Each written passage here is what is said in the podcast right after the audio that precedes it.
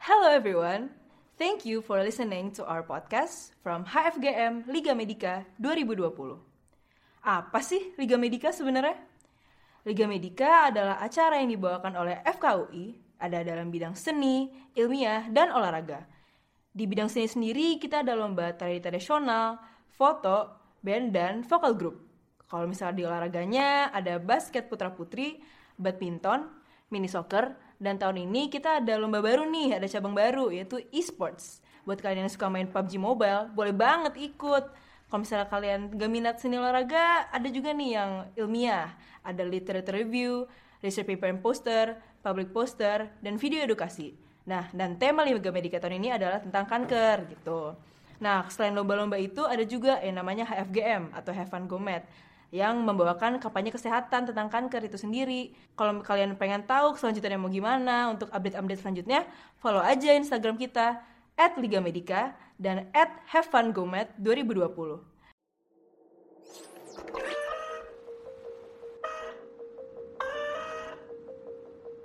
siang,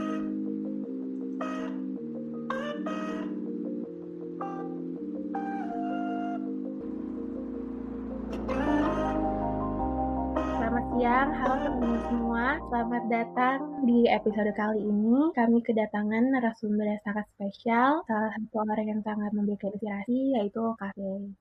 Oke, terima kasih Reni. Ya, saya Faye Haryati, biasanya panggil Faye. Hari ini saya diundang ke sini nih sama Reni, sama Nadira untuk sharing Ya, saya cancer survivor. Dulu saya cancer cervix stadium 4B waktu itu. Jadi dari dari cervix itu sudah apa namanya metastasis ke usus besar, kemudian ke liver sama ke bladder ya kandung kemih. Itu Oktober 2016 saya tahu, kemudian mulai treatment itu Desember 2016 dan miracle does happen. Juni 2017 saya dinyatakan clear bersih dan terima kasih Tuhan sampai sekarang saya sehat-sehat saja, baik-baik saja. Gimana sih kafe bisa melalui ini semua? Bagaimana perasaannya, terus juga support dari orang-orang keluarga teman-teman kafe Ya, waktu pertama kali dengar uh, kaget ya kan, karena sebetulnya dari dulu-dulu saya kayaknya hidupnya sehat-sehat aja sih. Maksudnya saya sangat suka berolahraga, saya makan juga kayaknya nggak aneh-aneh gitu kan. Cuman satu mungkin kurang tidur sama stress level di tingkat pekerjaan itu cukup tinggi. Pertama kali tahu kaget kayak kesambar petir lah ya. The first thing yang saya pikir waktu itu adalah lebih ke arah gimana ya ini ngomongnya sama my family karena kebetulan ya saya anak paling besar gitu kan, my dad already pass away. Jadi biasanya kalau ada apa-apa kan my family itu ngobrolnya sama saya gitu kan. Jadi aduh ini ngomongnya gimana ya tapi other than that gitu ya. Kebetulan saya orangnya juga suka adventure gitu ya. Jadi saya waktu itu masih agak di satu sisi kaget di sisi lain ya udahlah anggap aja nih kayak adventure baru tapi tentunya dengan deeper and wider magnitude ya karena it's about life and death. Dan kebetulan juga mungkin kalau buat saya dari dulu saya pikir hidup itu emang bukan cuma sekedar bernafas berapa lama kita hidup di dunia ini tapi tentang bagaimana kita bisa belajar bertumbuh dan juga bisa berkontribusi untuk orang banyak. Nah jadi buat saya waktu itu ya saya nggak concern tentang berapa lama saya akan hidup tapi saya lebih lihat satu aduh gimana nih my family? gitu ya. Uh, my parents my siblings gitu my younger siblings. Kemudian yang lebih saya pikirin lagi adalah ini treatmentnya kayak apa nih yang harus saya laluin? gitu kan. Jadi saya udah mikirnya treatmentnya apa kemudian kebetulan waktu itu saya bertanya sama dokternya dijelasin treatmentnya seperti apa in the very beginning waduh ini kayaknya gak ada life lagi nih gitu kan. Karena saya bilang sama dokternya waktu itu kalau buat saya mungkin ya kalau sakit ya saya bisa tahan lah ya. Cuman mungkin yang lebih jadi concern buat saya adalah tentang yang tadi. Bukan berapa lama saya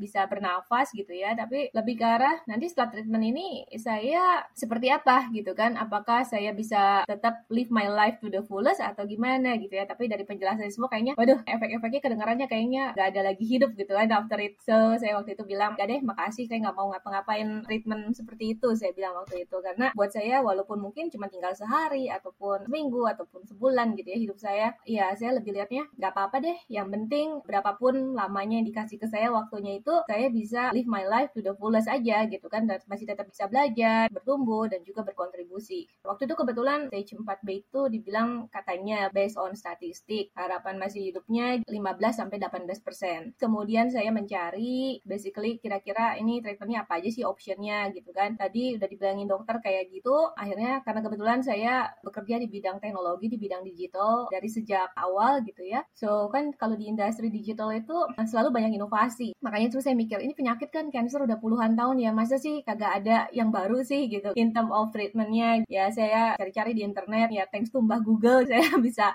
mencari tahu gitu. Oh ternyata ada yang namanya targeted chemoterapi, ada yang namanya targeted radiation, ya teknologi baru lah basically. So saya lihat itu oh ternyata adanya di Jerman ya. Saya tanya sama teman saya yang di Jerman gitu, tolong cek ya gitu kan. Ternyata ya rumah sakit di sana adanya di rumah sakit umum itu kan belum jadi katanya belum jadi gold standard karena emang belum banyak yang pakai ya saya orangnya pada dasarnya open for trying new things ya. Tapi saya juga nggak mau jadi genie pig, nggak mau jadi kelinci percobaan. Jadi saya cari lagi rumah sakit yang emang khusus menangani cancer dan sudah menerapkan teknologi itu. Karena saya percaya orang bisa karena biasa juga. Nah ketemulah di China, jadi saya pergi ke China waktu itu kalau orang-orang di sekitar saya kayak my family teman-teman saya ya semua pada kaget nggak nyangka juga. Karena mereka setahunya mereka saya hidupnya sehat-sehat aja gitu kan. Nggak ya tadi saya bilang saya gemar sekali berolahraga. Dulu sebelum sakit pun saya suka maraton gitu kan. Saya tiap hari pasti olahraga gitu kan. Saya kalau yang namanya maraton lah weight lift lah pedaan lah semuanya deh. Naik gunung scuba diving. Saya juga dulu suka skydiving. Ya tiba-tiba bilang cancer itu kayak gitu kan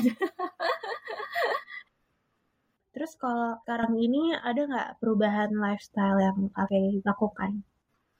Perubahan lifestyle itu ada ya, in a positive way gitu kan. Jadi selama saya sakit itu saya belajar. Jadi saya orangnya kebetulan suka observe gitu ya. Dari yang saya lihat karena dulu itu di rumah sakit cancer semuanya di sekitar saya orang-orang yang sakit. Satu hal yang saya lihat di situ, kebanyakan orang yang kalah battle-nya itu sebetulnya bukan karena sakitnya itu sendiri tapi karena udah kehilangan harapan. Jadi basically kita yang udah menutup diri sendiri. Yang kedua, ternyata sebetulnya ini cuma observation saya ya, disclaimer dulu nih.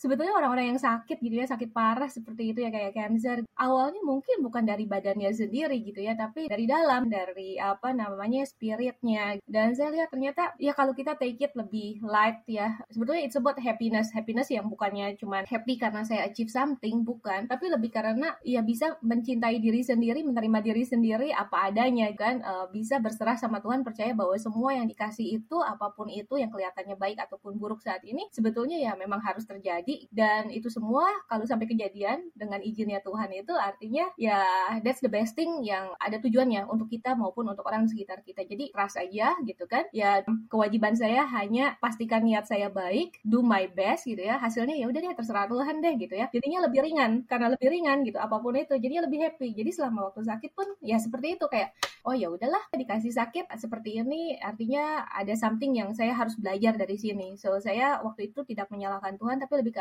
Tuhan mau saya belajar apa ya ini? Gitu kan.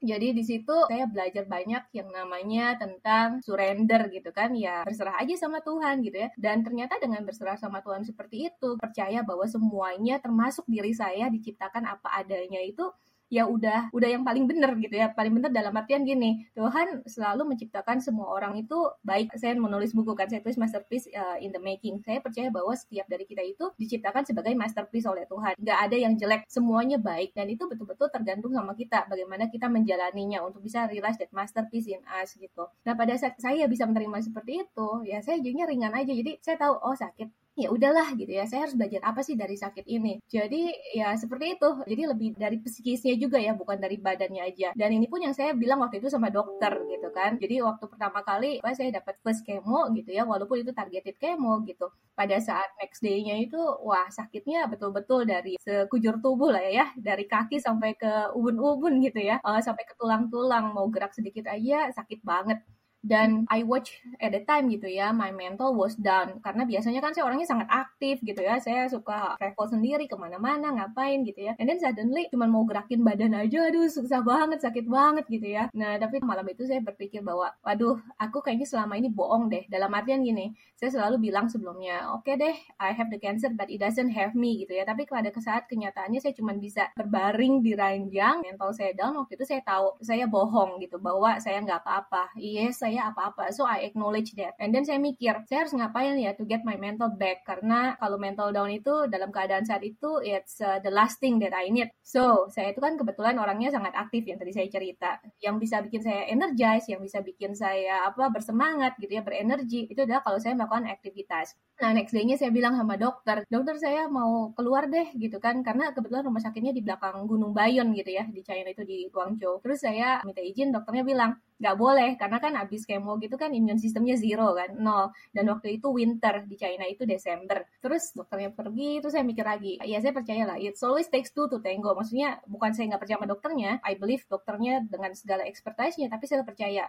untuk segala hal untuk bisa berjalan dengan baik it always takes two to tango. Jadi dari dokternya dan juga dari saya harus do something. Dan yang paling ngerti diri saya ya saya sendiri. Jadi setelah itu saya malah sneak out tuh dari rumah sakit. Jalan keluar gitu kan. Nurse station kan pasti letaknya selalu di depannya itu kan uh, lift kan. Jadi kalau kita keluarnya lewat lift kan pasti ketahuan. Jadi saya ngumpetnya lewat apa? Exit stair. Nah itu di situ saya ngerasa ya ampun ternyata sakit banget ya gitu ya. Udah kayak keong aja gitu kayak siput jalannya gitu kan. Dan saya di situ ngerasa aduh selama ini saya take things for granted ya. Saya bisa maraton saya bisa apa naik gunung macem-macem gitu ya. Mau lari 42 kilo berapa gitu ya I'm fine. Terus tiba-tiba aduh ini mau jalan aja ya susah banget gitu ya. So I I start like oke okay, ya selama ini ternyata kebanyakan itu saya take, take things for granted even for nafas gitu ya. The life that Tuhan kasih setiap hari I took it for granted before. Nah ya udah saya paksain jalan saya waktu pakai jam Garmin saya saya cuma bilang ya udah deh Faye satu kilo aja deh terus balik. And then itu adalah the longest one kilometer walk I've ever had. Yang nahan saya nggak nangis itu mungkin uh, it just my ego gitu kan karena iyalah ya aku yang stick out sendiri masa mau nangis Nah, terus singkat cerita, aku berhasil balik ke rumah sakit. Di situ ternyata udah ada dokter sama suster udah nungguin dong, karena aku kelamaan jalannya dan mereka udah mau masukin obat lagi. ya, terus uh, saya bilang itu sama dokternya. Jadi saya bilang sama dokter bahwa don't get me wrong, the fact bahwa saya sudah dari Jakarta terbang jauh-jauh ke China, it means that I trust his expertise gitu ya. Tapi I always believe it's always takes two to tango. So I have to do something juga dari sisi saya. I have to do my best too. Nah, dan ya yeah, for some people perhaps tidur, makan, nonton itu adalah sesuatu yang mengenergize mereka gitu ya. Buat saya itu activity. So ya yeah, I do it dan aku ya udah aku langsung bilang gitu kan, can't you see gitu kan. Aku sekarang feel better loh. Dan itu betul karena satu, my mental was back. Even though uh, sakitnya seperti apa pun, how crazy is the illness gitu, I'm going to uh, manage it gitu. Manage it dalam artian gini, bukan soal panjang atau pendeknya hidup. Kalau itu mah ya hanya Tuhan yang tahu lah ya, nggak bisa ngumpet lah ya kalau udah waktunya. Uh, tapi lebih ke arah selama saya dikasih hidup, saya nggak akan hidup kayak orang-orangan. Artinya saya bisa manage it. I still can be myself. Penyakitnya hanya bagian dari diri saya, tapi bukan saya. Artinya saya tetap mengendalikan hidup saya. I'm the master of my life kedua ya emang dengan berjalan itu beraktiviti itu saya mendapatkan energi gitu ya badan saya. Dan waktu itu saya kebetulan menolak meminum painkiller karena at time saya pikir ya ampun obat kemo aja kayaknya udah toksin semua deh gitu kan. Makanya langsung botak gitu kan uh, karena itu kan killing all the cell yang tumbuh in a way untuk kill the cancer cell itu Nah, saya bilang saya nggak butuh deh painkiller karena kayaknya another toxin gitu kan nggak nyembuhin saya. Nah, saya waktu itu salah satu cara saya untuk shifting my focus out dari painnya tadi itu pakai logic saya aja ya. Ini disclaimer juga ya. saya pikir ya better saya mengalihkan sakitnya dengan sakit lain yang lebih positif, which is sports karena kebetulan saya suka sports. Makanya waktu itu saya bilang sama dokter tuh, saya bilang, "Can't you see? Aku feel better loh." Aku bilang. So, boleh ya besok-besok tiap hari saya keluar satu jam. dokternya pause dulu terus akhirnya dia bilang boleh tapi kamu bawa handphone kamu ya kalau ada apa-apa kamu telepon. Jadi selama saya di sana gitu ya tiap hari saya sejam keluar yang tadinya susah banget jalan sampai akhirnya ya again bisa karena biasa. Sampai akhirnya saya malah bisa jogging lagi gitu kan. Dari sejam bisa jadi tiga jam gitu ya naik ke Gunung Bayun gitu tiap hari. Dan buat saya it's kind of healing the nature itself. Karena kan ya ke gunung kan alam. Ya it just me and myself karena kebetulan saya orangnya juga in my lowest moment saya lebih prefer sendirian daripada banyakan. I get my energy and clarity tuh pada saat saya sendirian. Jadi ya udah tuh pas gitu ya. Udah tiap hari ke hutan lah naik gunung. It like really refreshing dan saya ngerasa ya kalau orang bilang bahwa nature itu heals and I do believe in it. Jadi again kalau misalnya sakit kayak gitu kemarin satu lesson learn dari saya dan saya sangat berterima kasih sama Tuhan saya bisa melihat terangnya dalam artian saya nggak give up satu jangan panik gitu kan. Kalem aja cari tahu lebih jauh gitu kan harus ngapain. And then kedua nggak ada yang bener nggak ada yang salah kan. Semua orang niatnya baik ya. Pada saat tahu kita sakit semua pada komen better ini better itu. Terus kan orang yang sakit biasanya bingung kan udah lagi bingung dikasih tahu banyak hal bingung kan. Jadi kalau menurut saya gitu ya ini disclaimer juga ini dari pandangan saya aja. Nggak ada yang salah nggak ada yang benar semua orang yang ngasih tahu kita itu niatnya baik gitu ya. So it's um, really actually up to us. Dengerin kata hati kita apa yang kita trust. Karena pada saat kita trust waktu kita pergi untuk berobat pun ya udah punya perasaan I'll be fine. Tapi kalau dengerin orang terus tapi hatinya kita tuh nggak serak gitu ya. Ya itu different story gitu ya. Jadi pastikan dengerin kata hati senyaman-nyaman nyamannya diri. Yang ketiga, ya jangan give up karena sebetulnya apa pun yang dikasih percaya bahwa ya that's the best thing yang harus terjadi supaya kita bisa ya tadi saya bilang bisa realize the masterpiece in us gitu. Yang penting kita jangan give up. Uh, kalau saya bilang mungkin kayak diamond kan awalnya kan kayak batu gitu ya uh, nggak kelihatan kan cahayanya kan. But to be diamond yang bersinar dengan indah harus melalui suatu proses and that process is not easy and that process is not nggak painful. Jadi yang penting gitu kan selama dalam proses itu uh, kitanya jangan give up dan keep giving our best. Karena itu yang membuat kita nggak akan punya penyesalan hasilnya apa pun. Dan kita akan yakin bahwa oh, hasilnya apa pun ya udah itu udah maunya Tuhan and it must be the best for us. Jadinya lebih peaceful lebih damai lebih tenang. Dan perasaan tenang dan damai itu tuh sangat penting ya dalam proses healing gitu kan Nah, gimana sih Kak kan kadang kalau lagi sakit terus orang lain tahu terus suka kadang mereka ikutan sedih terus malah nambah bikin malu gitu. Nah, itu gimana caranya biar nggak terlalu dengerin gitu? Oke, satu dirinya sendiri jangan melakukan atau merespon sesuatu dengan ya jadi beneran melo gitu kan. Makanya satu, saya kan kebetulan tadi bilang uh, in my lowest moment saya orangnya lebih senang sendirian karena saya lebih bisa berpikir jernih untuk tahu maunya apa dan bagaimana. Nah sebetulnya itu adalah memberikan space buat saya untuk ya dengan diri saya sendiri. Jadinya nggak perlu orang-orang yang kayak melihat susahnya saya gitu kan. Ya saya dengan diri saya sendiri dulu. Once saya clear dan kalau saya ngomong sama orang ya ya saya udah tenang aja karena saya udah tahu dan orang bisa bisa feel the gesture our energy. Kalau kamu misalnya sebenarnya panik terus kamu bilang enggak kok saya baik-baik aja. Orang nggak akan percaya karena they can feel your energy gitu kan. Energi itu kan nggak bisa bohong. Tapi kalau kamu udah dengan diri sendiri udah dalam kondisi apa pun kamu udah oke okay, I know gitu kan. It's okay. Pada saat ngomong sama orang dan orang misalnya gitu kan dengan pikirannya sendiri dengan judgementnya sendiri berpikir bahwa kasihan ya kamu gitu ya. Tapi karena kamu ngerasa kamu udah accept diri kamu sendiri dan keadaan kamu sendiri gitu ya. Itu buat saya ya at least ya. Ya pada saat orang seperti itu ya saya bilang uh, I'm fine. Dan orang bisa ngerasain itu satu. Karena the energy really tells yang kedua, ya dari hal yang saya lakukan setiap hari gitu. Jadi walaupun saya sakit, saya nggak hanya berbaring di ranjang loh. Saya masih bisa pergi gitu ya. Yang sampai kalau dulu tuh saking tiap harinya saya di rumah sakit itu kan rumah sakit cancer ya. Saya pakai gelang pasien itu kan. Nah, saya kan mondar mandir tuh tiap hari gitu kan keluar. Terus orang-orang kayak keluarga pasien yang lain kalau lihat saya dulu banyak yang sampai jadi penasaran, kamu tuh pasien atau bukan? Tapi saya pakai baju training olahraga karena musim dingin terus saya lagi tuh ketawa juga ya orang nanya gitu. Saya mikir oh saya lagi liburan saya bilang tapi betulan jadi saya kayak gini liburan kenapa? Karena all my life saya kerja kayak racing rap kerjanya sibuk. So that's the very first time yang saya bisa betul-betul rest. Hanya saya dengan diri saya. Jadi pada saat orang nanya gitu di lift saya mikir terus saya bilang saya lagi liburan. Orangnya bingung ya biarin aja. Tapi that's yang apa bikin orang kan nggak ngelihat kita kayak kasihan. Tapi maksudnya oh she can enjoy gitu ya this moment gitu kan. Orang nggak ngelihat ngelihat itu kasihan. Terus lama-lama karena saya sering ke sana saya bisa lihat oh sekelilingnya dekat situ banyak warung kampung gitu ya walaupun saya nggak bisa bahasa Mandarin gitu ya. Ya udahlah pakai kalkulator aja bahasanya saya ini suka beli buah atau bisa beli sayuran. Kadang-kadang I miss home karena masih itu makanan rumah. Karena di sana kan di rumah sakit lama gitu ya. Akhirnya ya saya pede-pede aja. Ya udah beli aja. Terus udah gitu numpang masak deh di dapurnya rumah sakit. Nah terus lama-lama pasien yang lain keluarganya lihat. Karena kebetulan tiap orang beda-beda ya again. Some people perlu ditemenin terus. Jadi minta ditemenin terus gitu sama family-nya. Family-nya mau beli makanan atau apa kan susah juga kan nggak ada yang jagain. Akhirnya saya bilang mau nitip nggak?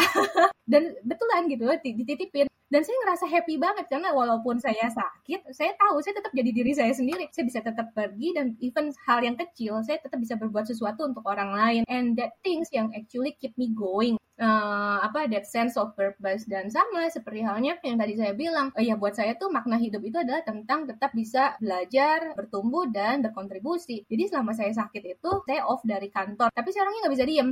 Aduh saya harus ngapain ya? Aduh gitu. Kalau saya nggak ngapa-ngapain ini bisa gila saya baca kalau orang yang sakit cancer itu katanya sifat asamnya terlalu tinggi di tubuhnya kan harus lebih banyak basah. Jadi harus banyak makan sayuran tumbuh-tumbuhan dan bukan daging-dagingan. Nah itu adalah lifestyle yang akhirnya mengubah saya. Jadi dulu tuh saya pemakan daging lah ya lebih honest. Terus itu saya baca oke. Okay, tapi saya juga tahu saya tahu diri sendiri lah ya. Saya orangnya cepet bosenan. Kalau waduh seumur hidup aku cuma disuruh makan salad-salad gitu ya kayaknya nggak akan sustainable deh nggak akan bertahan lama. Iya, bosen rasanya pasti itu itu aja ya.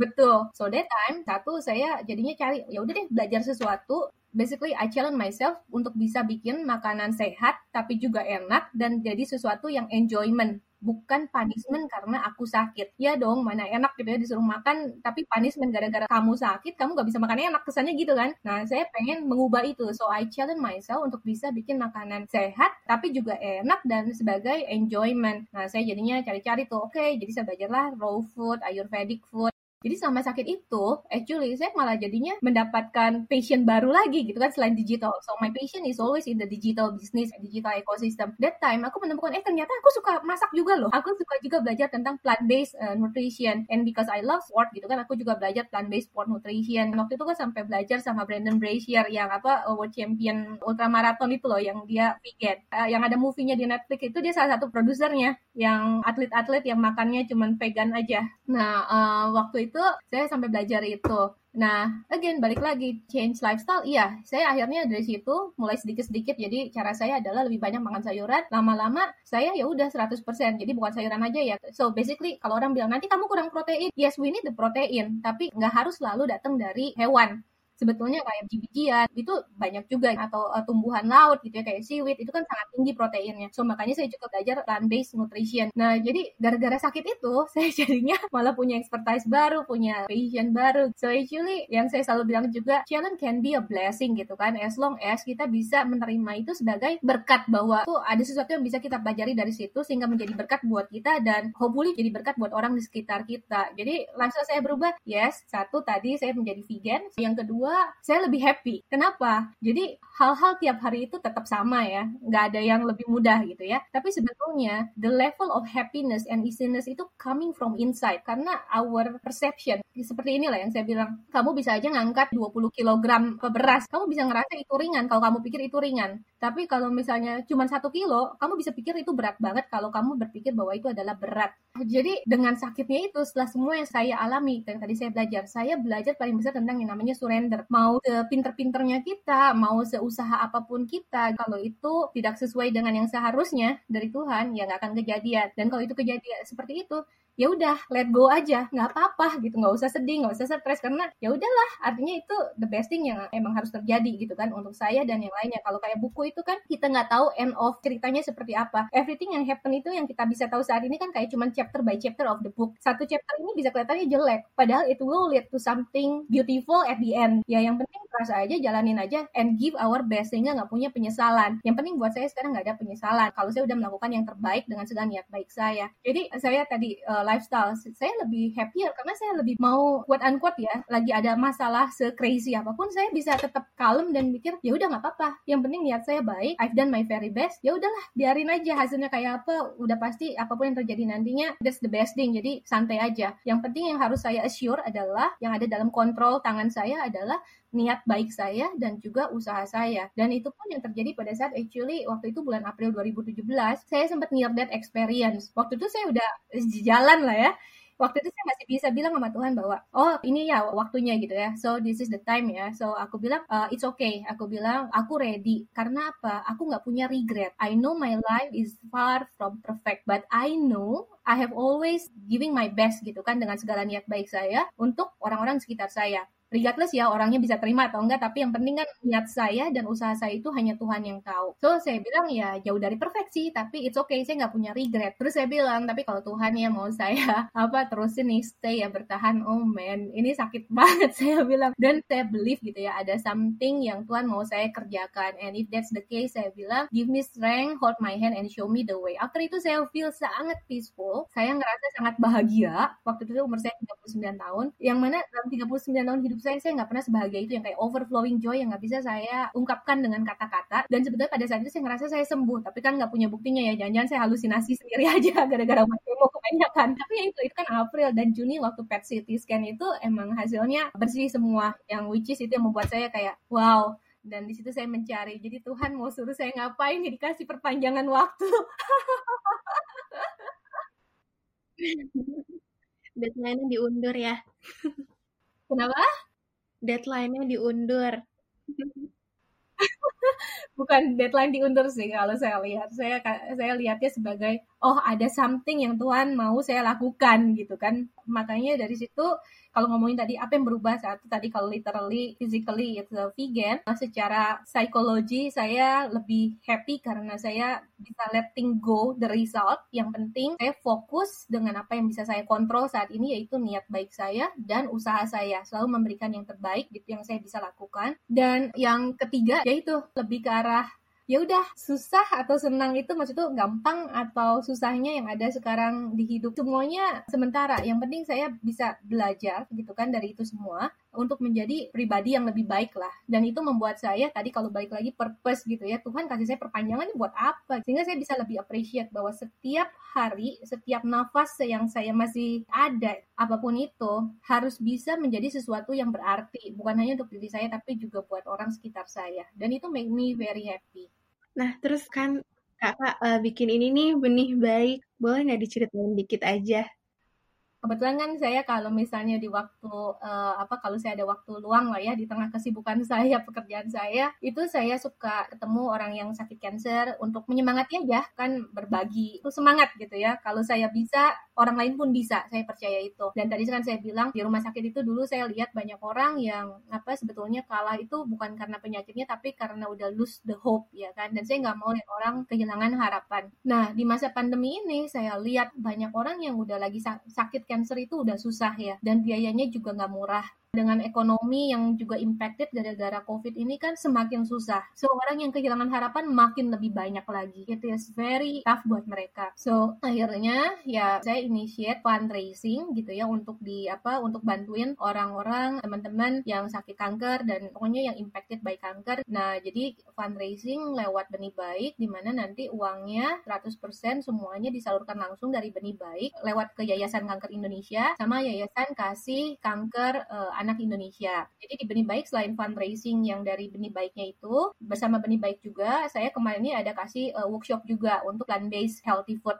itu juga buat workshop itu fee-nya disumbangkan juga ke Yayasan Kanker. Jadi dari Benih Baik langsung ke Yayasan Kanker Indonesia sama Yayasan Kasih Kanker Anak Indonesia. Terus yang ketiga bersama dengan Bank Mandiri. Jadi Bank Mandiri bikinin imaninya kartunya itu limited edition ada lima desain tapi terbatas hanya ada tiga set. Jadi satu setnya isinya ada lima desain. Diambil dari buku yang saya tulis di Adobe itu untuk gambarnya dan juga untuk quote-nya itu dilelang. Hasil lelangnya pun dari benih baik langsung disalurkan ke Yayasan Kanker Anak Indonesia sama Yayasan Kasih Anak Kanker Indonesia sama Yayasan Kanker Indonesia. Jadi untuk tiga set itu, setiap set yang terjual dari lelang itu, Bank Mandiri akan top up 75 juta. Jadi total 225 juta untuk di donate juga ke Yayasan Kanker Indonesia dan Yayasan Kasih Anak Kanker Indonesia. Karena ya ini bukan soal uh, nominalnya gitu kan, tapi yang lebih penting adalah pada saat kita berbagi ya, sharing is caring. Jadi orang-orang teman-teman yang apa terdampak sama kanker, masyarakat yang terdampak kanker di luar sana, mereka bisa merasa nggak sendirian menghadapi kesulitan. Karena biasanya pada saat mereka lose the hope kan itu yang mereka perlukan. Dan karena waktu itu saya di rumah sakit lihat banyak orang yang kalah itu karena kehilangan harapan, saya nggak mau orang kehilangan harapan. Itu juga waktu itu setelah saya baru aja saya selesai treatment, saya uh, lari full maraton di Himalaya 42 kilo it was uh, in my wishlist dulu sebelum sakit. Terus pas mau ke sana kepotong sakit tuh ya waktu itu kemo. Tapi entah kenapa saya punya keyakinan waktu itu saya email ke panitianya, maaf saya nggak bisa datang karena saya sakit, tapi tahun depan saya akan datang. Padahal dokter udah bilang cuma 15 sampai 18 persen hidupnya. Nah, tapi betulan kan, miracle does happen. Nah, setelah itu saya betulan lari di Himalaya dan uh, tujuan saya apa gitu ya, bukan hanya sekedar untuk wishlist sayanya aja, tapi saya pengen menyemangati karena dulu banyak banget di rumah sakit itu orang-orang yang udah treatment kanker bilang bahwa setelah ini mereka nggak punya life. Tapi saya selalu percaya bahwa there is bigger us inside yang actually akan uh, help us to win any battle that we need to win. Karena kita itu bukan hanya tubuh kita, ada spiritnya kita di dalam. Jadi ya jangan lose hope gitu kan. After semua treatment itu tetap ada life kok, as long as kita nggak give up. Jadi waktu itu saya dedicate that run actually untuk teman-teman saya yang cancer gitu kan supaya mereka nggak give up dan supaya believe bahwa setelah semua ini tetap masih ada hidup kok. Yang penting dari dalamnya kita aja nggak nyerah gitu kan. It's about our perspective. Dan waktu itu padahal cukup challenging juga karena dokter saya pun bilang kamu mau bunuh diri? Enggak saya mau feel alive actually aku bilang. Tetap melakukan yang saya suka maraton gitu kan. And I love nature saya suka Himalaya. Kemudian waktu itu challenge juga karena kan gara-gara kemo itu uh, bone marrow-nya impacted jadi produksi darah merah itu kan turun banget. Sedangkan kan Himalaya Himalaya kan pegunungan tinggi oksigennya tipis kan harus darah merahnya bagus kan. Dan waktu itu saya plant based nggak makan daging. Orang-orang kan mikirnya nggak makan daging itu yang nggak akan ada protein darah merahnya nggak ada ah, gitu. Makanya saya belajar plant based sport nutrition. Jadi ya itu semua sebetulnya membuat saya malah jadi belajar banyak gitu. Membuat saya bertumbuh tidak hanya dalam hubungan saya dengan Tuhan tapi juga literally dalam kehidupan sehari-hari gitu ya. Tadi saya punya expertise baru gitu kan tentang plant food ayurvedic food saya belajar tentang herbs di ayurvedic pedicure ya semua itu yang ujung-ujungnya saya bisa akhirnya memberikan kontribusi lebih banyak lagi buat orang di sekitar saya tidak hanya untuk diri saya sendiri. Seperti itu Reni. Itu aja sih. Eh, Terus dari kafe sendiri ada nggak kayak pesan motivasi atau apa untuk teman-teman yang lagi mengalami hal yang sama?